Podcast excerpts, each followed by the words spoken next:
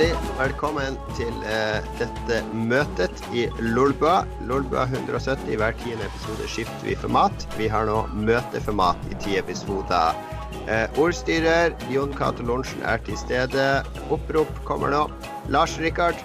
Her. Magnus Tellefsen. Til stede. OK. Uh, før opp i protokollen at begge er til stede. Saksliste i dag er én velkommen, to beste ferieopplevelser, tre hva vi spilt i det siste, fire nyheter, fem anbefalinger, og så har vi en eventuelt hvis det blir tid til overs med noen lytterinnspill. Er uh, agenda vedtatt? Eh, ja. Uh, ja. Det bør bestandig være en møteplager, så nei. Kan vi legge inn en dopause i dette? Dopause? Doppause er litt Det kan du ta etter Det klarer å vente til etter sending med dopet ditt, uh, Lars. Men er det du som er møteplageren når Harstad-Tine har uh, møter? Er det Gjerne. du som er han som sørger for at de som har familie og sånn, ikke kommer seg hjem til middag fordi du skal sitte og kvele på at skrivebordet Nei. ditt bør være vendt mot vinduet og ikke andre veien?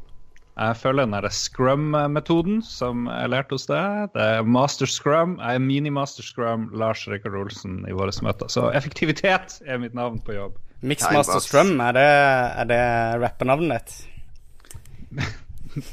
Semi-master scrum timebox master. Yes. Ja. Timebox er bra. Velkommen skal dere være, kjære lyttere. Vennligst send inn alle navn i gruppa Lolbua Entourage, sånn at vi får en fullført protokoll over alle som hørte på også. Vi går rett til eh, eh, sak nummer én. Velkommen. Velkommen skal dere være, karer. Vedtatt. Tusen takk, vedtatt. Nå, hvordan går det? Midt Skal vi stemme for det, eller mot det, eller eh, Avstemning etter vi har Velkommen innebærer litt sånn småprat. Ja, har dere fin ferie så langt? Ja. ja. Ja. Skal jo, eh, det er sykt bra vær i dag. Har ikke vært så fint vær hele uka. Jeg ferie. Selvfølgelig skal jeg reise bort i morgen til regntung eh, Polen. Så det blir Ja. bra. Du har utnytta den deilige soldagen i Harstad med å sitte inne og spille gamle raids i Destiny. Stemmer. Stemmer. 100 Ja. Få det meste Veldig- ut av Destiny 2-betaen? Det, Ja, det, skal eh, vi, det skal vi snakke om senere i sendinga. Vi må ikke foregripe eh, handlinga her. Og du da, Magnus, du har kommet deg hjem fra det glade Sørlandet til det triste Oslo. Riktig. Det var den beste feriebeslutninga vi har gjort i år, tror jeg. Så nå er vi tilbake. Det var, det var kaldt i Kristiansand. Det var litt sånn sur vind hele tida. Litt sånn eh, nord, nord-ish vind. Og det regnet masse, og ja. Vi fikk liksom ikke gjort de tingene vi planla å gjøre. Så dro vi hjem, og nå har det bare vært eh, sol og sommer basically hver dag. Så eh, hurra for Oslo. Deilig, deilig. Jeg er også tilbake fra det muntre Vestlandet og eh, klar, jeg tjuvstarta litt på jobb allerede, men fra neste uke så er det full jobb frem eh, mot i hvert fall til Øyafestivalen, der jeg sikkert tar en dag fri. Vi hører på litt musikk. Eh, Er velkommen eh, vedtatt, eller er det noen innvendinger? Mm, Jeg har ingen eh, innvendinger. Ja, helt greit. Men vi vet ikke hva du har gjort i det siste. Du var jo borte forrige uke, Jon. Jeg sa at du var på intervju hos PST. Eh, Stemmer det? Nei, jeg var på eh, Vestlandet, på Halsen øy, der vi har en Samme ferie. sak. Der, ja, der har jeg spilt inn podkast før, men nå hadde jeg ikke med noe maskin og sånne ting bort dit. Mm. Så eh, jeg har vært og fiska. Jeg har seilt mye i en sånn Vi har en sånn liten A-jolle der, jeg vet ikke om dere kjenner det konseptet, men Aftenposten, tror jeg, på 90-tallet eller starten av 2000-tallet, de solgte en sånn liten seilbåt til abonnentene sine. Eh, så det er en sånn liten plastbåt eh, med seil og ror og sånne ting, som du må ligge på tvers i, da. Eh, Så du ligger liksom oppi den, og så, og så har du det seilet. Og den er veldig fin til å fange vind, da. Det seilet fanger vind veldig bra. Så uansett, selv om det bare er bitte litt vind, så klarer du å fange nok vind til å, til å drive av gårde sidelengs og, og med vind. Og litt vanskelig mot vind, men det går faktisk, det òg, litt på kryss og tvers. Så jeg er veldig glad i den lille jolla der. Jeg ligget mye ute i fjorden, i Klostervågen, som det heter, og, og duppa i den båten og seilt litt frem og tilbake. Det Ja, ut det som er- en vanvittig sånn, overklasseleke. Det er sånn, sånn som de har i Derek. Å nei, vi finner et lik. De var ute og lekte i overklassebåten. Dette Altså- må vi finne ut av. Er det det samme som eh, VG-joller? Det er Vi har i hvert fall noe på i Kristiansand som er det VG-joller, som eh, Alle har vært ute og eh, seilt i, på skolen på et eller annet punkt, og ja, mange har trynt uti og kullseila. Ja, Både Aftenposten og VG er jo skipssted, så jeg tenker det her er noe sånn her skipsstedkonsept som de hadde i sin tid. Ja, når avisene hadde sin, sin høytid. Men det er ikke noe sånn veldig over, det er jo bare en liten plastbalje. Det Ja, Ikke, du kan ikke stå i den eller sitte i den, eller noe sånt. du skal bare ligge på bunnen av en sånn balje med et seil. En eh, sosialdemokratisk seilbåt. Mm. Ja. Også veldig nyttig for å lære seg litt om seiling. Jeg føler at eh, nå er jeg klar til å dra ut med Christian Radich etter å ha ligget litt i den der balja. Dette var det. Da, da godkjenner vi Er godkjent? Magnus? Ja, jeg, jeg syns du gjør en, right. En fremragende jobb. Vi må, vi må ha doppause. Da slår jeg hammeren i bordet, og så spiller vi litt musikk.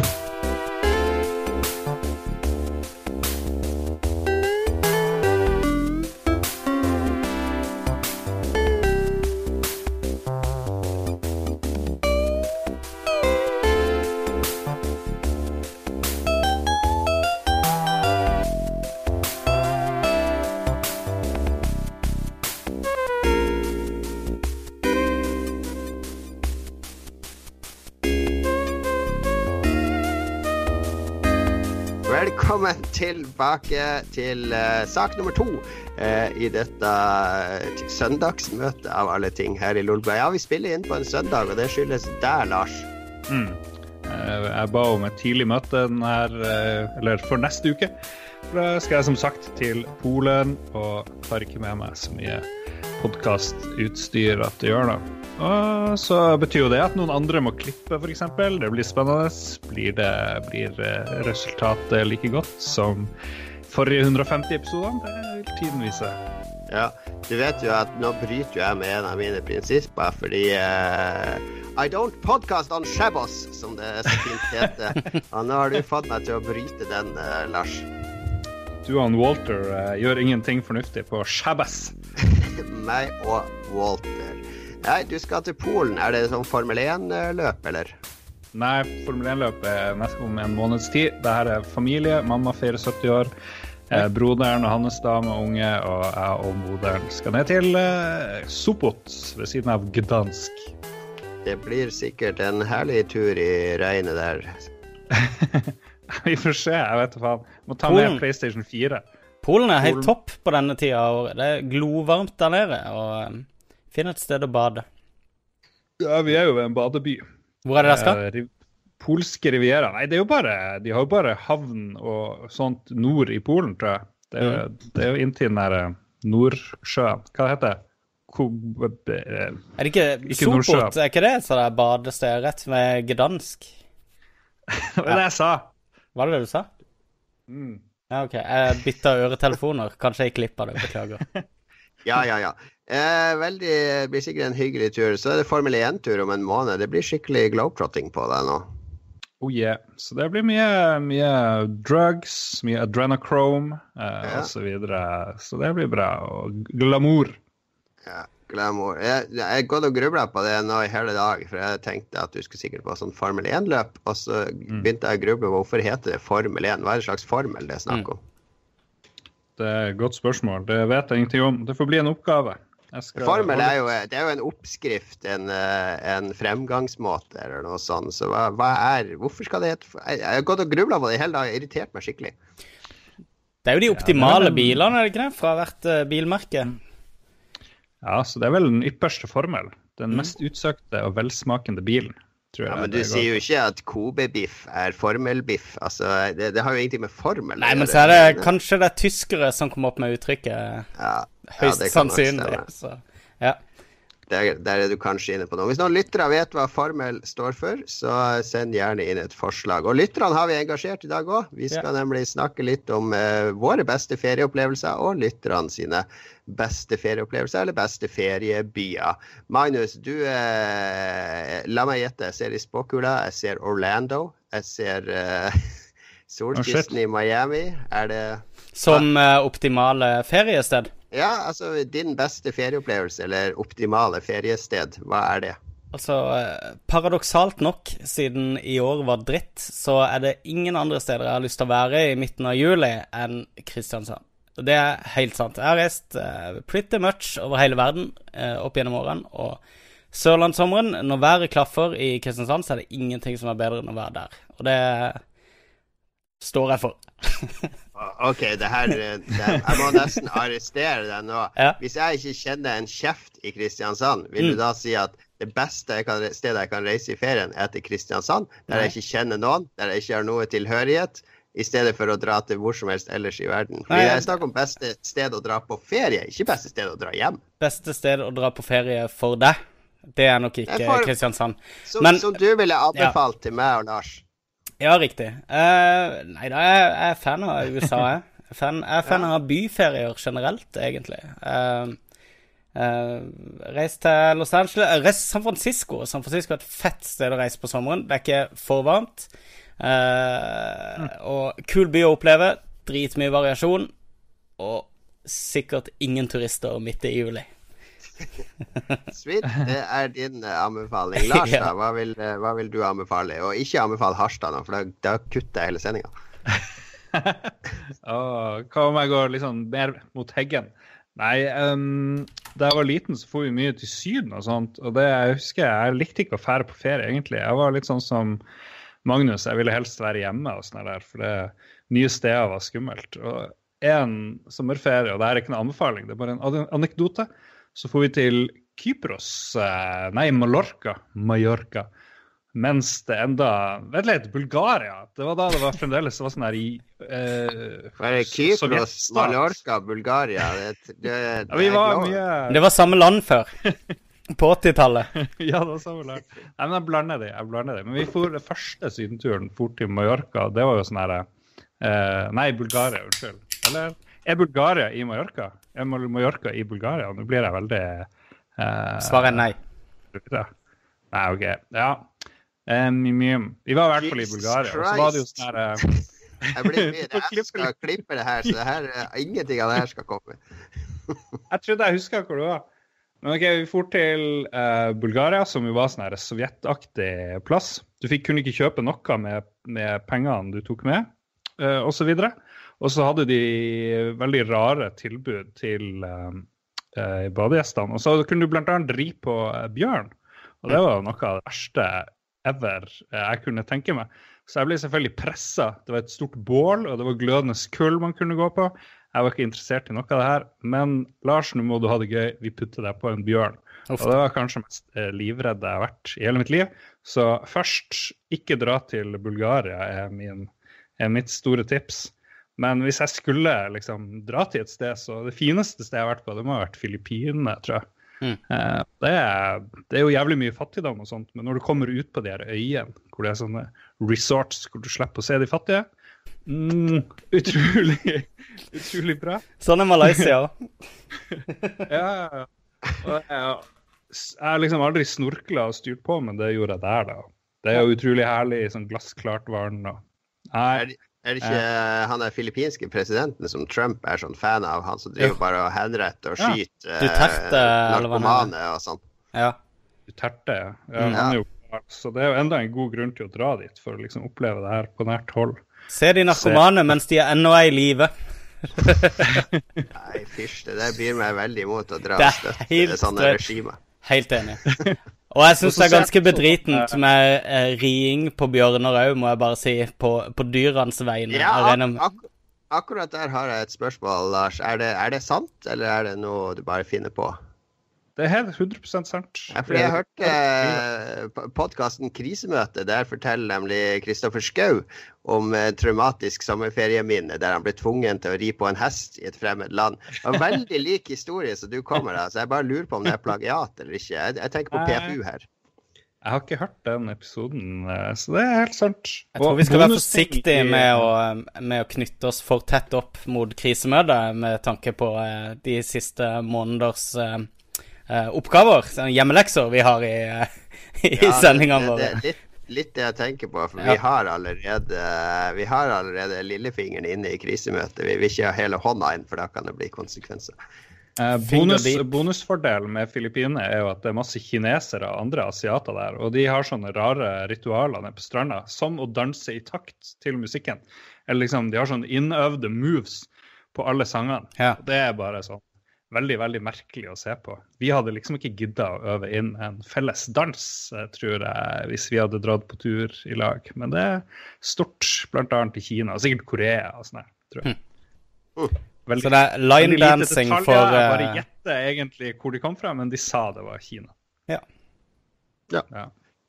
Uh, jeg vil eh, Jeg skal anbefale Jeg skal snakke om en ferieopplevelse. Jeg har egentlig ikke noe feriested å anbefale, føler jeg. Du kommer jo rett fra 30 feriesteder, gjør du ikke det, Jon? Jo, men det er mine feriesteder. Jeg vil ikke at noen andre skal dra dit.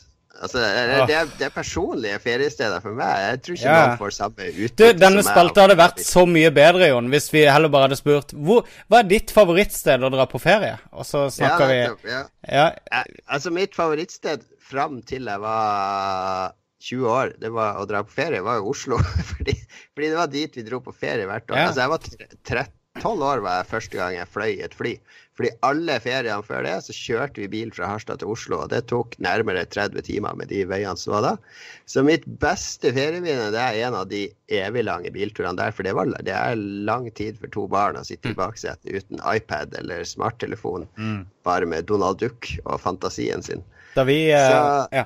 Ja, men det ene året vi kjørte ned, så ville han pappa kjøre i ett. Altså han ville kjøre uten å stoppe og overnatte. Som, som jo er en ganske dramatisk avgjørelse å ta for en uh, forelder. Uh, jeg skal kjøre i 30 timer i strekk Ja. eh, med unger i baksetet. Det, men det de gjorde da, da, fordi vi ble jo veldig lei av å sitte baki, så de putta to sånne pappesker inn uh, der på gulvet i baksetet. Eh, når det ble kveld, altså la de en sånn liten madrass oppå to dyner, for da hadde meg og søstera mi en seng i baksetet. Så vi lå jo og sov i den deiligste seng i baksetet der, mens han pappa suste forbi Trondheim og over uh, Dovre og, og nedover mot Oslo. Uh, uten sikkerhetsbelte eller noe sånt, for det ble ikke påbudt før jeg var ja, Det var vel på starten av 80-tallet at det ble påbudt. Så vi lå bare jeg har aldri hatt en så deilig biltur å ligge under en dyne i baksetet. Jeg var jo så kort òg, jeg kunne jo strekke meg helt ut, ikke sant. Lå med søstera mi der og, og sov hele bilturen. Det, det kan jeg anbefale alle. Putt ungene i baksetet, drit i det sikkerhetsbeltet og sånn. Bare støtte opp og bygge litt sånn underlag, og så la de ligge der under dyna. De kommer til å kose seg glugg i hjel på Det er verdt risken. Vi tar ikke ansvaret, for å si det sånn. Gjør, gjør gjøres på eget ansvar. Jo da, jo da. Bare ta kontakt med oss hvis det skjer noe. Bare ta kontakt med oss, så, så fikser vi det. Ta kontakt med vår advokat. Lars, lytterne har eh, stått på for å anbefale ferie, eller komme med ferietips. Europe. Vi får ta og ta det litt på eh, rad her. Lars Magnus og Jon Cato følger vi Ja. rekkefølgen. Uh, vi begynner med Robert Carstensen. Han liksom deler det her i to, enten ferie med kompiser eller familie. Og han foreslår Berlin eller Düsseldorf med kompiser. Fete byer, god mat, god øl og mulighet for å se fotballkamper i byen og områdene rundt. Og så med familie så anbefaler han Danmark. Å leie hus i Danmark er avslappende og deilig, til tross for at man har unger på slep. Så der har du et tips, uh, JC, for dere har ikke vært på sånn. jeg har vært i Danmark mange ganger med barna. Danmark er jo bare en gigantisk lekeplass, hele landet. Altså Det er dyreparker og tivoli overalt. I hver minste by har et lite tivoli eller en lite De har ting for unger å gjøre. Så det, det kan jeg skrive under på. Dra til Danmark. Ja, vi var der da jeg var liten. Det var gøy. Og også gøy å dra med pappa på sånne ølsmaking eller sånn eh, bryggeritur. Det var vel egentlig for at han skulle få drikke litt gratis øl, og så fikk jeg gratis brus. Faksekondi og Ja, ja, alle de her eh, awesome danske De har annerledes godteri og brus, husker jeg da jeg var liten. Nå har det vel normalisert seg litt.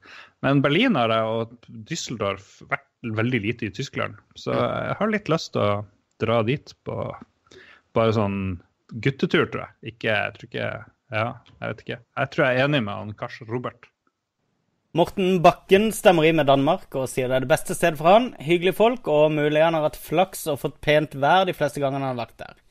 Um, jeg er jo kristiansander, og vi har jo en dansk ferje som går rett over på ti minutter, føles det som. Så Uh, vi har nok et litt annet forhold til Danmark. Uh, det er som å bo i, i Fredrikstad og reise på ferie til Sverige, da. Så Ja, jeg ser du er konsekvent med tidsmålingene dine. fordi alltid når du skal fikse noe før sending, så tar det to sekunder.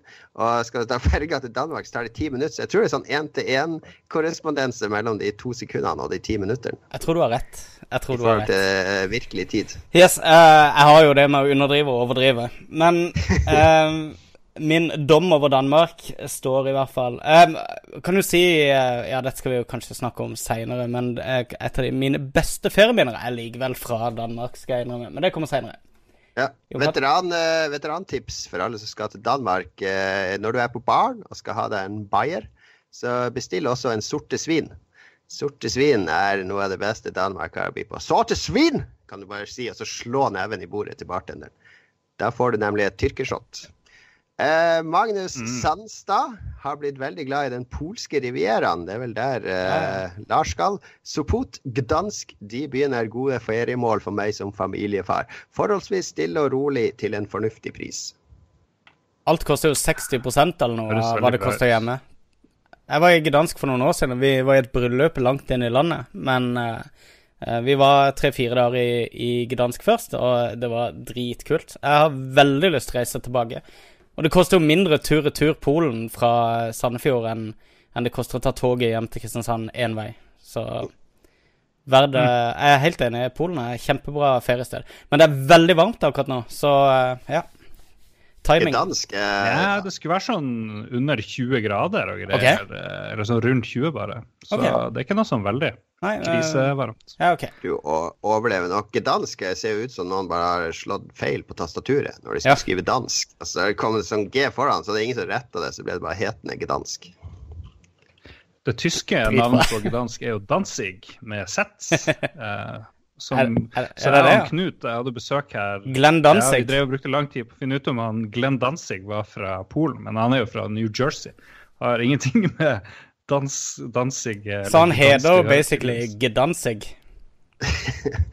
Han heter uh, Jeg tror det fins et band for hver by i Polen og Tyskland som er oppkalt. Du har Rammstein, og så har du Danzig, og så er det sikkert et band som heter Hamburg og Berlin og Berlin er jo et band, faktisk. Jeg tror vedder på det finnes et band som heter Auschwitz også, et eller annet sted nede i den høyrevridde delen av musikkbransjen. Oh yeah, Baden-Baden er et kjent punkband. Ikke sant? Lars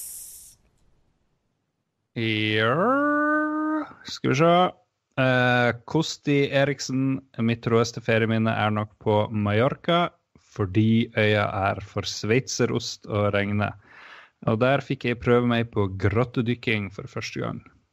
Ellers planlegges ferier ut fra hvor jeg kan få tid under vann. Så han går under jorda, nesten, når han drar på ferie. Han koster bare at han drar under vann. Det er jo sånn veldig James Bond-aktig å dra på ferie. Han er jo mye å svømme og styre. Så driver sikkert han Kosti og Jeg tror han Kosti Eriksen er en agent, så han drar ut og gambler.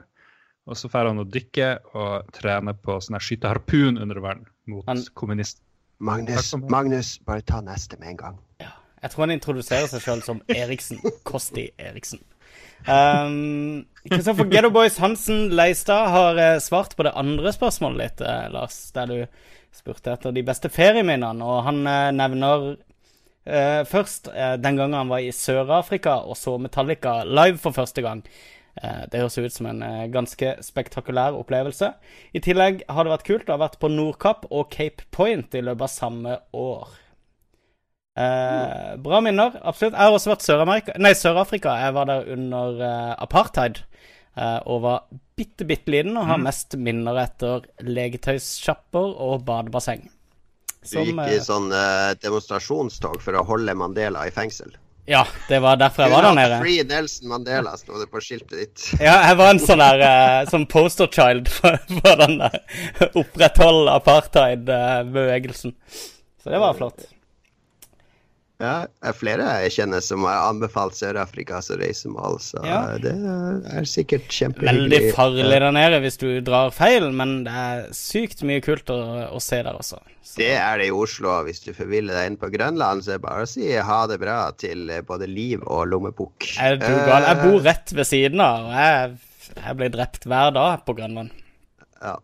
Hans GM Eh, for meg må det være USA generelt. Prøver å dra over minst én gang i året. Man kan se så masse forskjellig, pluss at man kan få avslapning eller storbyferie hvis man vil det.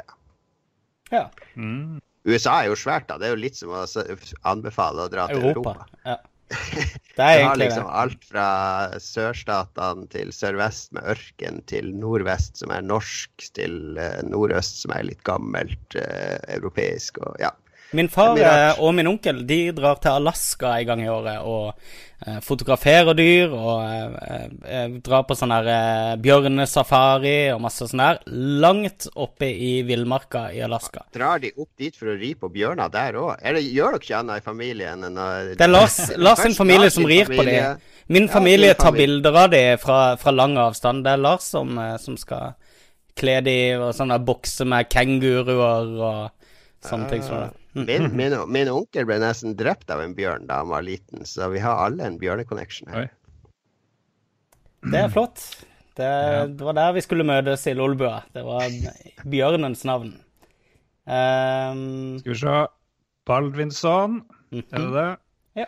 Uh, Ståle, vår nyhetssjef, svarer Roma, magisk plass. Men han vil ikke eh, eh, begrunne det, så sier han magisk plass. Jeg tror han har vært på sånn magikonferanse der. Eh, vi snakker jo om magikere og sånt, så han er nok en del av dem. Eh. Roma. Roma, er- Roma er jo veldig flott, fordi fordi du føler at det er så mye historie overalt hvor enn du snur deg, så føler du at du står på steder folk har holdt på i tusenvis av år. Eh, det er heller ikke Uansett helt feil å er, reise opp til. Firenze hvis du først er i Italia. Eh, jeg har vært i Firenze noen ganger. Jeg har vært i, eh, Roma en gang. Og eh, Firenze er enda mer sånn hardcore på det der med at overalt du tråkker, så er det en liten tagg av Michelangelo eller whatever som eh, henger. Uh, Det var noe tagger.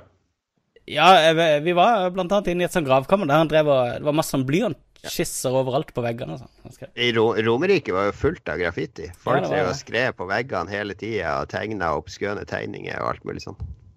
Det var det. Faktisk, faktisk, det er ikke kødd. Ja, det er riktig. Og det er jo der den der kristne fisken kommer fra. Det var jo, eh, det var jo sånn der kristen motstandsbevegelse-greie. når de var forfulgt, så drev de og tagga katakombene sine med det. Um, Torbjørn Kristne fisken? fisken. Ja, jeg trodde jeg skulle Hvilken kristen fisk er det? Ja, jeg kjenner ikke til den. Uh, bare google det. Det er en strektegning av en fisk som eh, ble brukt i gamle Roma når, under uh, kristenforfølgelsene. Ah, Mm. kristen Uh, Der lærte vi noe nytt. Gir ingen mening. Dette kan jeg som kristiansander, vet du. Dette kommer inn med morsmelka.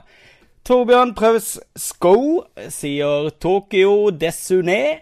Deretter eh, står det Il Sainte Marie på østkysten av Madagaskar. Hvorfor? For det er denne originale Monkey Island, ifølge Torbjørn. Eh, det er jo en god grunn, Ja. er det ikke det? Eh, Absolutt. Han la frem eh, bildebevis, og han mente at det viste Monkey Island. Så ja, jeg er Oi. med på det. Ja, Jeg er med på det. Det er jo veldig vanlig, spesielt når man lager sånn concept art eller eh, Det var jo nå Star Citizen hadde jo en sånn, eh, ikke skandale nå, men der de bare tegna av et fotografi med hele bakgrunnen, og så bare lagt på et romskip foran. Ja. Eh, så det kan jo være at, at de har brukt fotografier av den øya som, som inspirasjon når de har tegna Monkey Island. ja. Mm. Ja.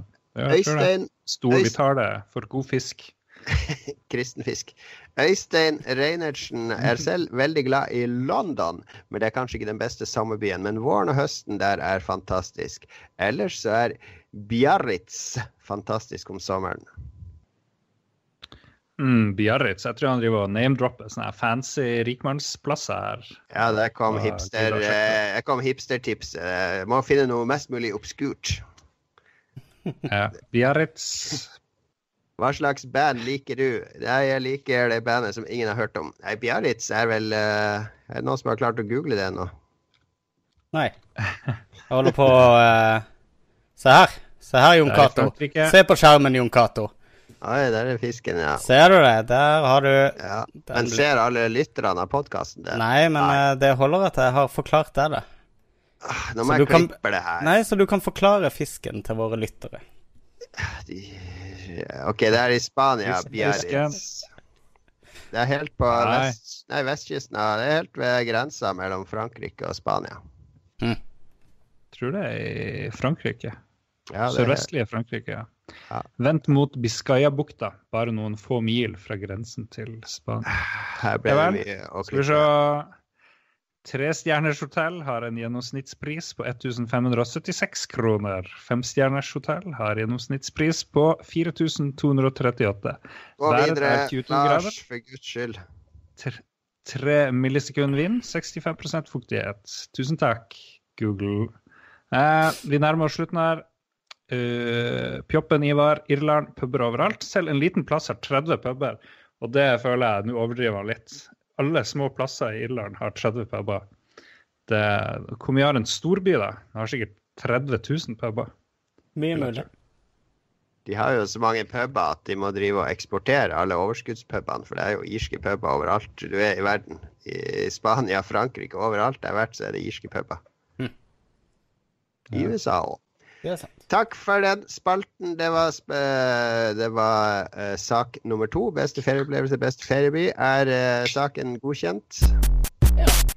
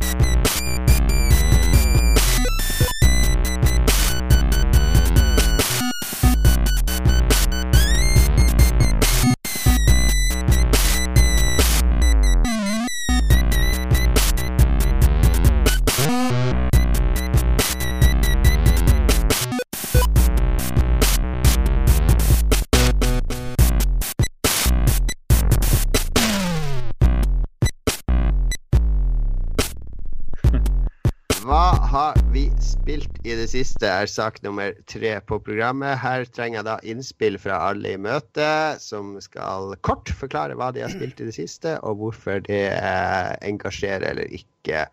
Lars Ricardo, du er på Destiny-kjøret igjen. Ja, snakka mye om Destiny 2 i forrige uke, så det kan jeg jo bare la være. Overlatt til eh, Magnus, kanskje. Så kan jeg bare slå fast at jeg har gjort to rides. Det ene ble fullført, og gjort mye tjohei i Destiny 1. Senest i dag gjorde vi Crotas End, eller hva det heter for noe. Drepte Krota på to timer. Det gikk over forventning. Vi hadde to veldig flinke folk med oss. Ellers så var det sånne Harstad-dudes eh, som Eh, Ja, bortsett fra Spion, da. Vår venn Spion imponerte. Ellers var det dårlig. Men selv med meg og Knut på laget, så klarte vi det på to timer. Det var litt deilig. Fikk masse lut. Nå er det jo 400 som er grensa. Jeg kjenner jeg kommer ikke til å gi meg før jeg er 400 light, så det er jeg på kjøret igjen. Halleluja. Halleluja. Bra, bra. Destiny 1 er vel, er vel bare å gjøre seg ferdig der. For det er Jeg vet ikke om det er noen Eller de holder vel serverne oppe et år eller to til, og så er det hele spillet borte. Det blir litt rart, men eh, sånn er det nå.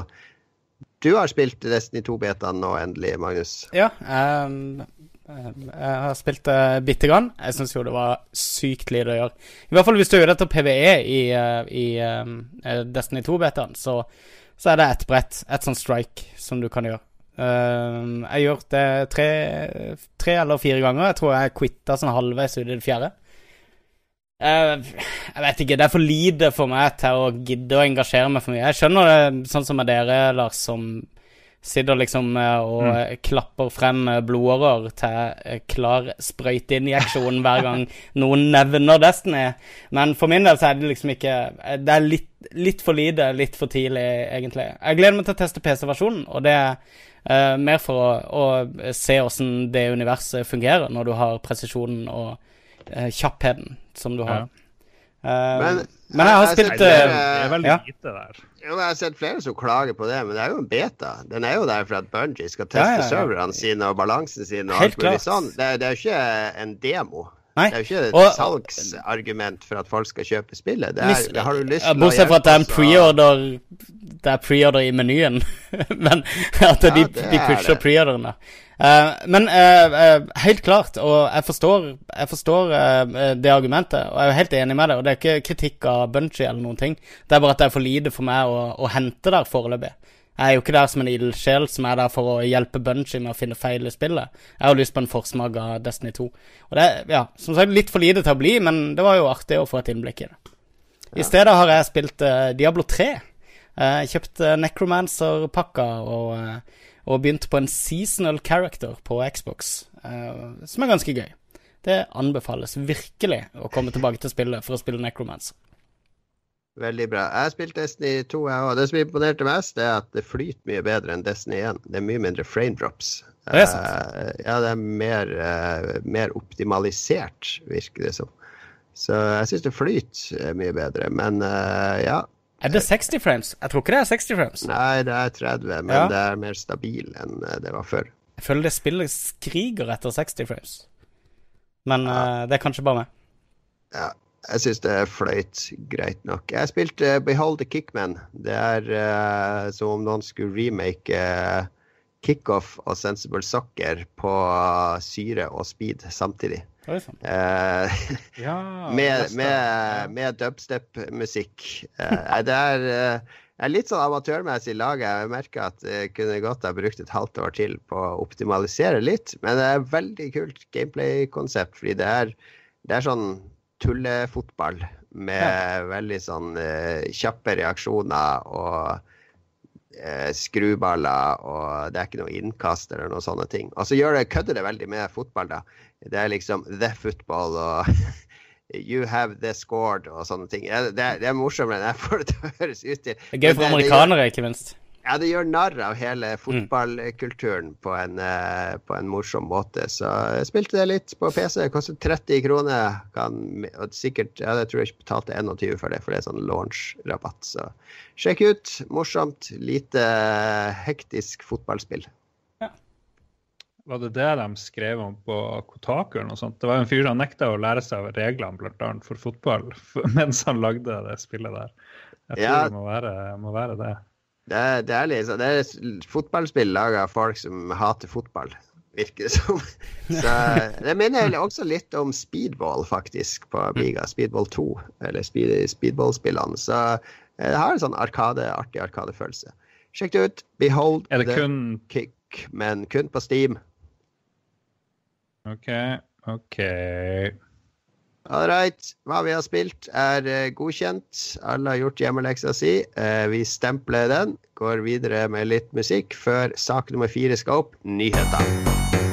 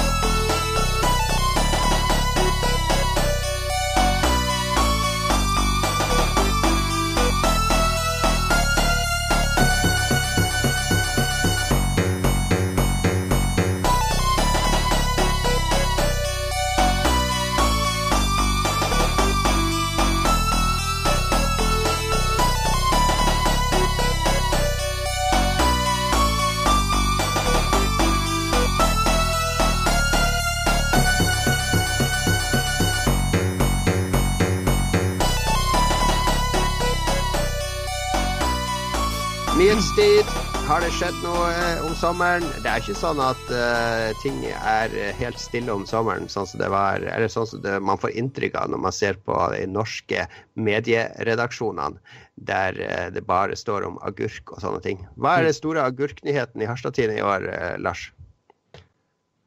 Um, Nå har jeg vært på ferie en uke og glemt alt jeg har gjort. Glemmer at jeg jobber og alt mulig. Så jeg vet ikke hva som er den store agurken. Det vet jeg ikke. Så I don't know. Men det er vel lite nyheter fordi alle er på ferie, og det skjer lite, og alle er på ferie i avisene nå. Men er det ikke da alle de slemme utnytter anledninga til å lansere alle sånne ondsinna ting og tang? Hmm. Man skulle jo tro det, men jeg tror de onde òg er på ferie, så vi er heldige. Vi right. catch a break der. Sweet.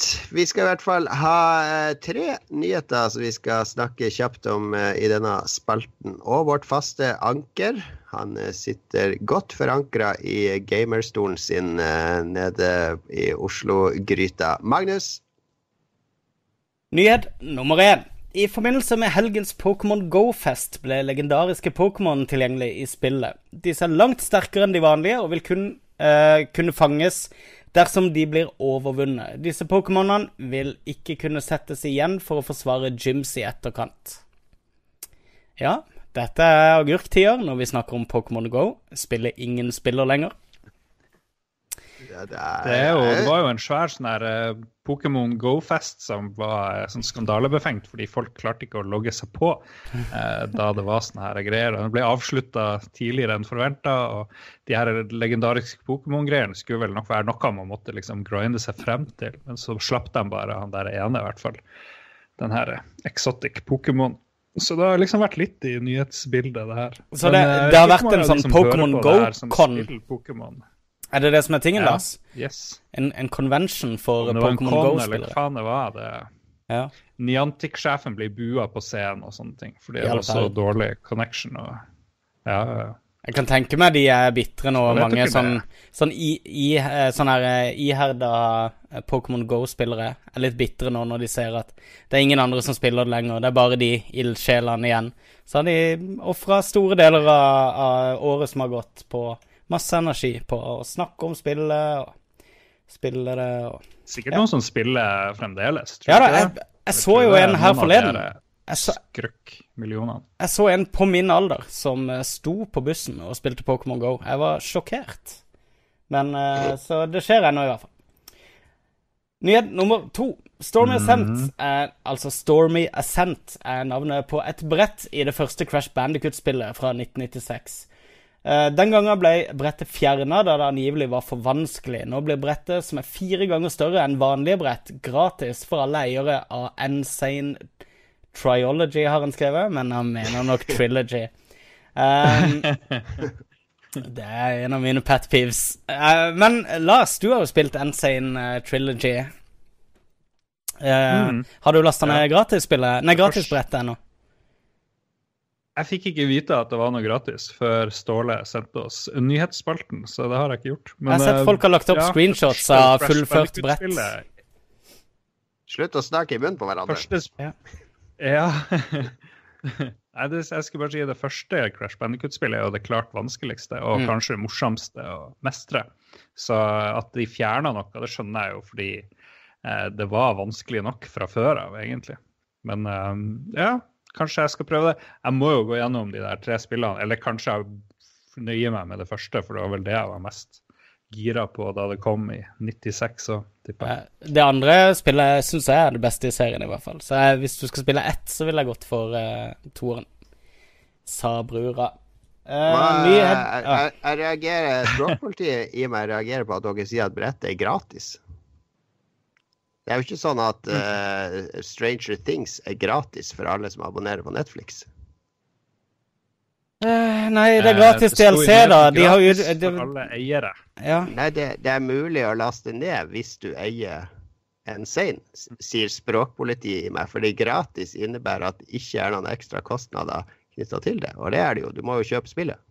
Ja, det er gratis for alle eiere av Ensign. Nei, det er, Ensign. det, jeg mener det er feil bruk av gratis, men jeg skal ikke henge meg opp i det. Jeg, jeg er for så vidt enig med deg. Det- Jeg mener òg at eh, det er et beskytta uttrykk gratis, selv om jeg ser at eh, det ikke er helt sånn i markedsføringa lenger. Vi går i hvert fall videre til nyhet nummer tre, ja, så ser vi om vi finner noen hull i markedsføringsloven der. For her ryktes det nemlig om at Det ryktes nemlig om at Nintendo nå planlegger en Nintendo 64 Mini Classic. Ryktene starta å svirre da Nintendo sendte inn en varemerkeregistrering. Den viste en N64-kontroller. Nes Nei, å ja. Den viste en N64-kontroller. Punktum.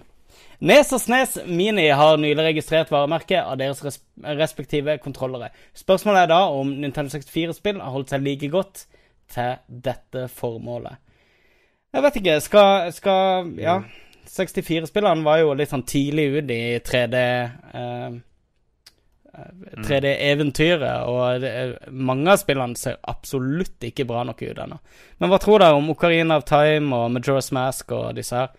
Bør man heller spille de i oppdatert versjon på håndholdt, eller vente på en Nintendo 64 Mini? Nei, det har nok ikke du kan jo si at SNESen er litt sånn Ja, SNESen er noe annet enn en Nintendo 64 Mini, vil jeg si. Ja, er her, eh, her har vi snakka om mange ganger før, fordi den pikselarten er tidløs, og den Mm. ser pen ut fortsatt. Eh, mens Mm. den der tidlige 3D-grafikken ser ræva ut. Yes. Dere tror at Crash Bandicut så bra ut fordi dere spiller Insane Trilogy, men fyrer du opp det originale Crash Bandicut, så ser det helt forferdelig ut. Det gjør det. Eh, så, så med mindre de pusser opp spillene, så tror jeg ikke den vil gripe folk på samme måte som Nes og Snes, som er litt sånn hellig gral når det gjelder nostalgi og, og, og skjønnhet innenfor det pixel-uttrykket. Jeg er helt enig. Jeg har veldig lite nysgjerrighet. Jeg har ikke gidda å spille Golden Eye, remasterne og sånne ting. Perfect Dark og så videre. Så ja. Det, det er jo Det litt sånn eh, eh, Altså Nintendo 64, PlayStation 1 og Saturn var jo litt sånn som Arkadespillene på 70-tallet. En Veldig veldig primitiv eh, 2D-spill på 70-tallet, ikke sant? Som overskygges av nesten alt som kom på 80-tallet. Det er ikke Space Invaders og Asteroids og sånn er kule nok konsepter, men de har blitt gjort bedre i mer moderne skytespill på 80-tallet. Så det, det er jo litt sånn med de gamle 3D-spillene òg. De har blitt de har blitt gjort mye bedre. Golden har blitt gjort mye bedre Ja. enn det som var da. Mm. Skal vi godkjenne nyhetsspalten? Ingen stor Jeg er veldig glad for at du spør om vi kan jeg er veldig glad for at du spør om vi kan godkjenne den, for vi fikk ikke godkjent den der um, spill, spillspalten. Og der hadde jeg innvendinger mot uh, Magnus, som aldri grunnga hvorfor det var gøy å spille det her Diablo 3 og den nye klassen, men Ja. Mista sjansen fordi det gikk ikke til, uh, til debatt. Men jeg kan godkjenne den her, anbef eh, den her nyhetsspalten. Det kan jeg gjøre. Det noteres i protokollen i hvert fall, Ja. Lars. Jeg kan også svare på vegne av Magnus, fordi Magnus syns alt med eh, nekro i seg er gøy. Har jeg What? hørt rykter. Ja, det er kjempegrunn. Få det med i protokollen, så Yes. hører vi på litt musikk.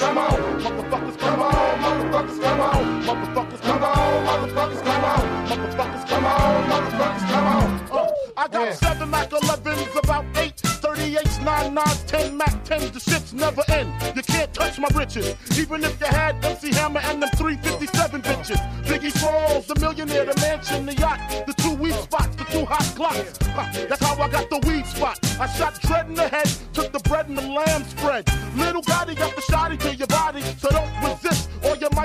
Siste spalte i dag blir ukas anbefaling. Vi har også noen lytterspørsmål vi kan ta etterpå, hvis vi har lyst til det.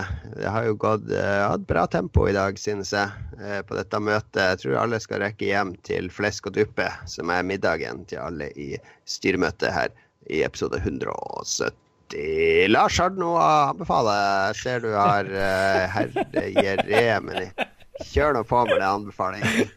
Det var et merke òg. Det var et merke også. Ja, her skal det, her skal det brandes. Jeg anbefaler 190 grams badeskum fra Brynhild eh, godtemakeri, som er sommerens helt klare godtehit. Dukka plutselig opp da vi spilte Shadowrun eh, rollespill her tidligere i uka. Bare kom daskende ned på bordet. Her er badeskum. Aldri smakt det før. Er det Så? Jeg er veldig gira, men det, det er godteri. Det er, men det er kun 190 gram. da. Det er ganske lite og veier jo ingenting. Veldig få biter, så det forsvant med en gang. Men det er jo badeskum, Lars. bus- Badeskum. Det forbinder jeg med sånn såpe som du har i badekaret for å få såpeskum i badekaret. Er det det vi snakker om her? Det er ikke det vi snakker om her. Nei. det et godteri, om- Badeskum, er det, er det så etablert som godtemerke eller godtekategori at jeg burde bare ta det? Ja, du har jo skolekritt Det et er jo et godteri, selv om Skolekritt er jo et godteri, selv om du også kan ha skolekritt som du kan skrive Jo, på en jo, jo. tavle med. Ja, jeg bare, det var bare så selvfølgelig at badeskum var bare godteri. Uh, OK. Jeg, jeg tenkte dette er jo en genistreng, Ja, men det badeskum med godtesmak. Det er jo en kjempeidé, tenkte jeg. Det var det du tenkte, ja. Ok, så det her er noe du får i norske butikker? Ja. Det er, det er sånn skum, sånn, det er sånn luftig godteri. Noe er litt gelé på, det meste er skum. Og du får det i europris. Jeg har gjort eh, research. Og det som ble kjøpt i Harstad, det ble kjøpt på Spar. Eh, og det er visstnok ingen andre som har det. For Jens Arthur for å lete det. jeg sa jeg likte badeskum, så kom han dumpende med fire poser her om dagen. da vi hadde. Holy moly. Hvor mye, hvor mye kalorier per 100, forsvant ka, med en gang. kalorier per 100 gram? Holy fuck, nå gikk lyden helt ko-ko her. Jeg hørte ikke hva du sa. Jeg lurte på, rett og slett, eh, Lars, hvor mange kalorier per 100 gram? Ja, det lurer jeg også på. Det, det er sikkert veldig sunt. Jeg tror badeskum er Du kan vaske deg med det. det er, ja. Du, nå sitter jeg og ser på bildet av dette såkalte badeskummet. Nå er det jo det er bare halvparten som er sånn eh, skumgodteri, til og med. Det er jo eh, vingummi halve, stemmer ikke det? Om det er litt skum på hver bit, vil jeg påstå. Um, så så ja. så er det et bilde liksom fra skjærgården på pakka. Jeg anbefaler det 100 Dere Jeg er helt imot navnet. Er helt, er jo- Hvem er det som har lyst på liksom på, på å tenke liksom på nagne mennesker som sitter liksom og vasker av seg fettet på den nagne kroppen sin i badekaret når de skal spise godteri? Nei, jeg kjøper ikke det navnet. Det er veto her, Herregud, som han skulle henge seg opp i det der. ja. Um, ja, OK. nå, Men nå ser jeg på et bilde av en pose som er åpna. Jeg må jo innrømme at det ser litt fristende ut, faktisk. Det er litt sånn har aldri eh, mer mykt. Ja, det det er så sånn mykt da. Fine farger, mykt. Sweet badeskum. Det skal jeg eh, sikkert sjekke ut en eller annen gang når jeg begynner å spise godteri igjen. Uh, jeg er, på, jeg er tilbake på Lifesum-kjøret. Men uh, apropos uh, Ikke apropos det, egentlig. Eh, min anbefaling er Jeg har lest flere bøker i sommer. Mange bra bøker. Jeg har også sett uh, ganske mange filmer. Flere filmer enn jeg klarer å se på et halvt år. har jeg klart å se i løpet av mine tre sommerferieuker. Jeg har til og med sett litt på TV-serier. Men jeg skal dra frem en av de bøkene som jeg har lest nå i sommer. Den heter The Lost City of Set, altså bokstaven Z. Som er skrevet av en journalist som heter David Grann. Uh, og det, det er en bok om den berømte utforskeren Percy eh, Fawcett. Eh, som antagelig var større enn både Amundsen og Nansen og Scott. Og alle, alle disse polekspedisjonene fikk ekstremt mye oppmerksomhet i media. Eh, og det var et problem for disse folka som drev og utforska Sør-Amerika og Afrika. Fordi eh, det å utforske Amazonas er, det er ganske heavy jobb eh, i forhold til å gå på Mm. ski på, på Sørpolen eller ferde med noen sledehunder. Ja, Det er to helt forskjellige ting. Det sammenlignes faktisk i den boka. Men det her handler om at Percy Fawcett var kanskje den viktigste utforsker der. Han kartla enormt mye av Amazonas og områdene rundt Bolivia, Peru og, og Brasil der. Og, eh, og det er en bok som eh, Han forsvant på en ekspedisjon der han skulle finne Eldorado, The Lost City of Set. Han hadde sikre bevis på hvor det var, og alt var sånn hemmelig. Han drev og la ut sånn falske spor med hvor ekspedisjonen skulle begynne. Han hadde kun med seg sønnen sin og en kompis av sønnen. Men han skulle ha et minimalt team, for det skulle ikke være noen lekkasjer, og de skulle være vennlige med indianere. Hvis du marsjerte inn med 30 soldater, så var det mye vanskeligere å forholde seg til alle de indianerstammene inni der. Og han forsvant, så den boka jeg prøver å finne ut hvor han faktisk endte opp, og om det faktisk er mulig at det kan være en by inni Amazonas. Den, ble, den er også filmatisert nå. Jeg har ikke sett filmen, men eh, boka er kjempespennende. fordi jeg har aldri jeg kommer aldri i mitt liv til å legge ut på noe jungelsafari i Amazonas, det kan jeg si. Det er beskrivelsen av all den dritten og de dyrene og de insektene og de fiskene og ålene og frukten og giftplantene og, og greiene som de møter i denne jungelen, gå en kilometer hver dag og, og holde på å daue. Den ene fyren som er med der, han får sånne ormer inn i kneet. Han blir blind på ene øyet fordi det er en sånn eh, gigantisk bie som elsker svette. Altså bare for å stikke folk i panna og øynene. Mm. Det, det er maur overalt. Det er umulig å finne mat. Og du skulle tro det var kjempelett å finne mat i jungelen, men inni den der eh, tropiske jungelen, så blir med en gang et dyr dør, så har insekter spist det opp på en time. Så er det ingen spor igjen av dyret omtrent. Det er det, det, er helvete på jord, rett og slett. Jeg, blir, jeg, blir helt, jeg grøsser rett og slett når jeg leser beskrivelsene av de her ekspedisjonene og dagboknotaten til han Percy Fawcett. Så anbefales varmt. En kjempebok om, eh, om Ikke minst om hvor utrolig utfordrende det var å få kartlagt jordkloden. Fordi han var jo med i Royal Geographical Society, og deres mål var jo å sette sammen et, et kart over alt på jorda. Hele jordkloden skulle kartlegges. og mm en gigantoppgave å, mm. å, få til alt det der. Men tror du det var vanskeligere å For nå er du litt eh, antinasjonalistisk, Jon Cato. Vi er jo en nasjon av stolte polfarere. Vi brydde oss ikke om å dra inn til noe sånn skjetten jungel eh, med masse mygg. Det var jo det må jo moronsen ta seg av. Vi tok den stolte oppgaven med å dra til det mest harde klimaet i verden. Minus 50 grader på Nordpolen osv. Dra til Sørpolen Ingen vann, lett drikkelig, du må tine alt. ikke sant? Du kan fryse i hjel på to sekunder. Kommer snestormer. Jeg tror at uh, der uh, Amazonas er sånne dilettantegreier hvor du kan fære i shorts, gå rundt, har masse slaver som driver og hagger vei til deg. Mens på Nordpolen så hadde du kanskje en hund, hvis du var heldig. For du måtte jo ha mat i alle. ikke sant? I jungelen så er det jo bare å skjære ned en banan. Altså, det, det I Nordpolen så finnes det jo ingenting. Det er mange som har dødd på polekspedisjoner òg, men det er helt latterlig mange som har dødd i Amazonas på mm. ekspedisjoner der. Uh, og ja, ja, De sammenligner det i den boka, der, og de sier jo at det er en polfarer som blir med han der Fawcett, som var med han uh, Scott på Sørpolen. Altså, på en sånn Han var ikke en av de som døde, han var en av de som ble igjen, en biolog. Og han blir med han Fawcett på en ekspedisjon og han takler ikke den jungelen i det hele tatt. fordi Kontrasten mellom en polekspedisjon og en jungelekspedisjon er at på polekspedisjonen så er det monotonien og det konstante kampen mot uh, kuldesår, altså mm. frostskader og å bli snøblind, mm. og det at du ser det samme hver dag. Det er hvitt, hvitt, hvitt, hvitt. Monotont.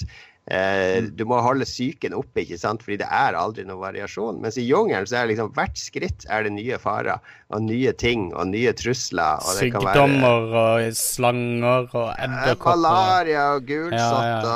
og folk dauer som fluer inni der. Det er, det er to helt forskjellige måter å utforske på. Så jeg hadde definitivt valgt Sørpolen foran Amazonas. Ja, for da, da handler det mer om, liksom, om det. ikke sant? Da er det det det står på. ikke sant? Det er liksom, Hva har du med deg av proviant, hva har du med deg av klær, og liksom varme osv., og, så videre, og hvor forberedt er du? Når du drar inn i jungelen, så er det liksom Hva kaster jungelen etter deg? det er, ja, ja. det er et, et dyr han beskriver når de skal svømme over sånn elv. Det er en sånn der liten orm som lever i elven der nede, som eh, elsker kroppsåpninger. Så han får gjerne inn i anus eller vagina eller inn under eh, forhuden. Og når han kommer inn i kroppsåpningen, så blåser han seg opp med sånne pigger. Så, så, det var jo folk som måtte liksom kastrere seg sjøl hvis de fikk den inn i, i penis, den der eh, deilige ormen. Så det, det er bare sånne helt syke, ekle farer overalt i den jungelen. Han lukter urin eller et eller annet sånt. Der, eh, jeg tror den, Er det ikke en fisk? Er det en slange? Jo, jo det er en liten fisk. Ja. Og, det, og, det, elektriske åla som eh, er utspekulert og bare gir støt på støt på støt helt til du besvimer. Så kan de spise det. Det er, bare, det er helt sykt. Jeg blir kvalm av bare tanken på å dra til Amazonas. Ja, ja. Uff. Magnus. Ja, men det, det, det, det, døde så mange i jungelen fordi det var så lett å komme dit. ikke sant? Det er jo bare å gå ut av bilen og padle litt. sant? Mens på Nordpolen det var ikke bare å dra dit.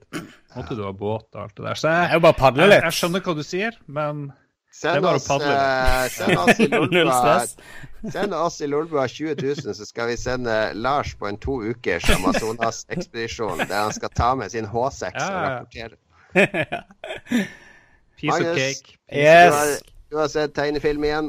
Nei, eller ja, jeg har selvfølgelig sett. Um, men jeg så litt på uh, uh, kalenderen her. Og uh, vi, vi, spiller jo inn svært tidlig denne gangen, 23. juli. Og denne sendinga skal vel ikke sendes ut før 28. tidligst. Så for de som hører på den ferdige sendinga, så er det bare et par dager igjen til Rick and Morty sesong tre starter i gang igjen. Benytt denne uka her på å gå inn på Netflix, se sesong én og to. Uh, husk uh, de, de store plottene som skal fortsette inn i sesong tre. Alt tyder på at uh, serien bare blir mer og mer komplisert, mer og mer intrikat. Eh, ja. Jeg gleder meg ekstremt til Rick and Morty sesong tre. Jeg tror jeg har sett sesong én og to i hvert fall ti ganger. Så eh, ja. Et, eh, det er et av årets store høydepunkt for meg, i hvert fall. Og hvis du ikke har sett serien før Kommer det på som- Netflix med en gang, eller? Netflix har i hvert fall sesong én og to. Jeg vet ikke hvor sesong tre kommer til å dukke opp ennå, men uh, det skal finnes ut. Sweet, sweet. Helt på tampen, nå godkjenner vi de anbefalingene våre. Ja. Uh, Lars var Jeg syns. Lars var litt på kanten.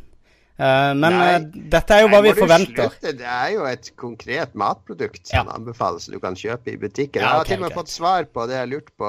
Hver pakke inneholder 630 kalorier. Altså det er 330 kalorier per 100 gram. Det er ikke så ille til å være godteri. Det, det er ofte oppe i sånn 400-500 kalorier per eh, 100 gram. Så eh, nesten Mm. sunt, tror jeg vi So sier. good. Det er bra. Det er verdt hver kalori. Jeg vil i hvert fall ha det protokollført at jeg protesterte på Lars sin eh, anbefaling likevel. Selv om jeg ser at jeg er nedstemt i plenum her. Ja, det er med i protokollen. Én mot uh, at godteri heter badeskum. To, Én nøytral og én for. Veldig bra sending. Når er du tilbake fra Polen, Lars Ricardo?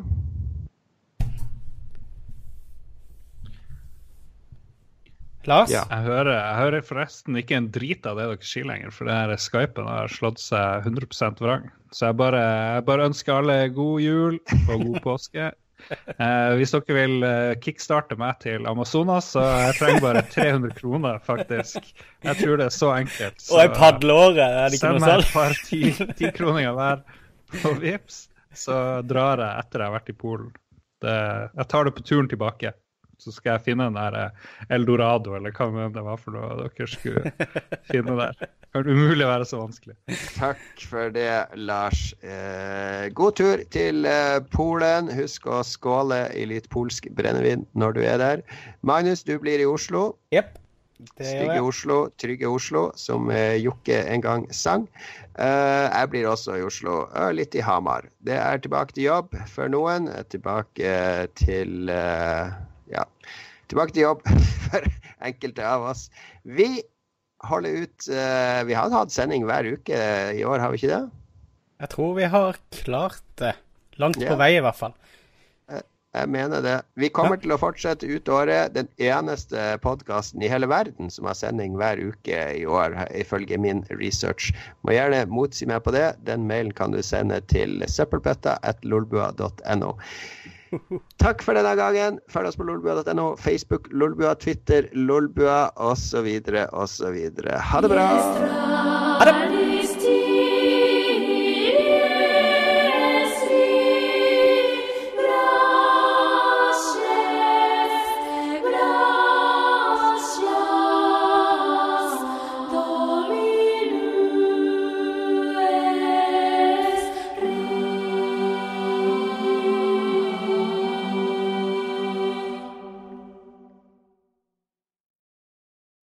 Har du et enkeltpersonforetak eller en liten bedrift? Da er du sikkert lei av å høre meg snakke om hvor enkelt det er med kvitteringer og bilag i fiken, så vi eh, gir oss her, vi. Fordi vi liker enkelt. Fiken superenkelt regnskap.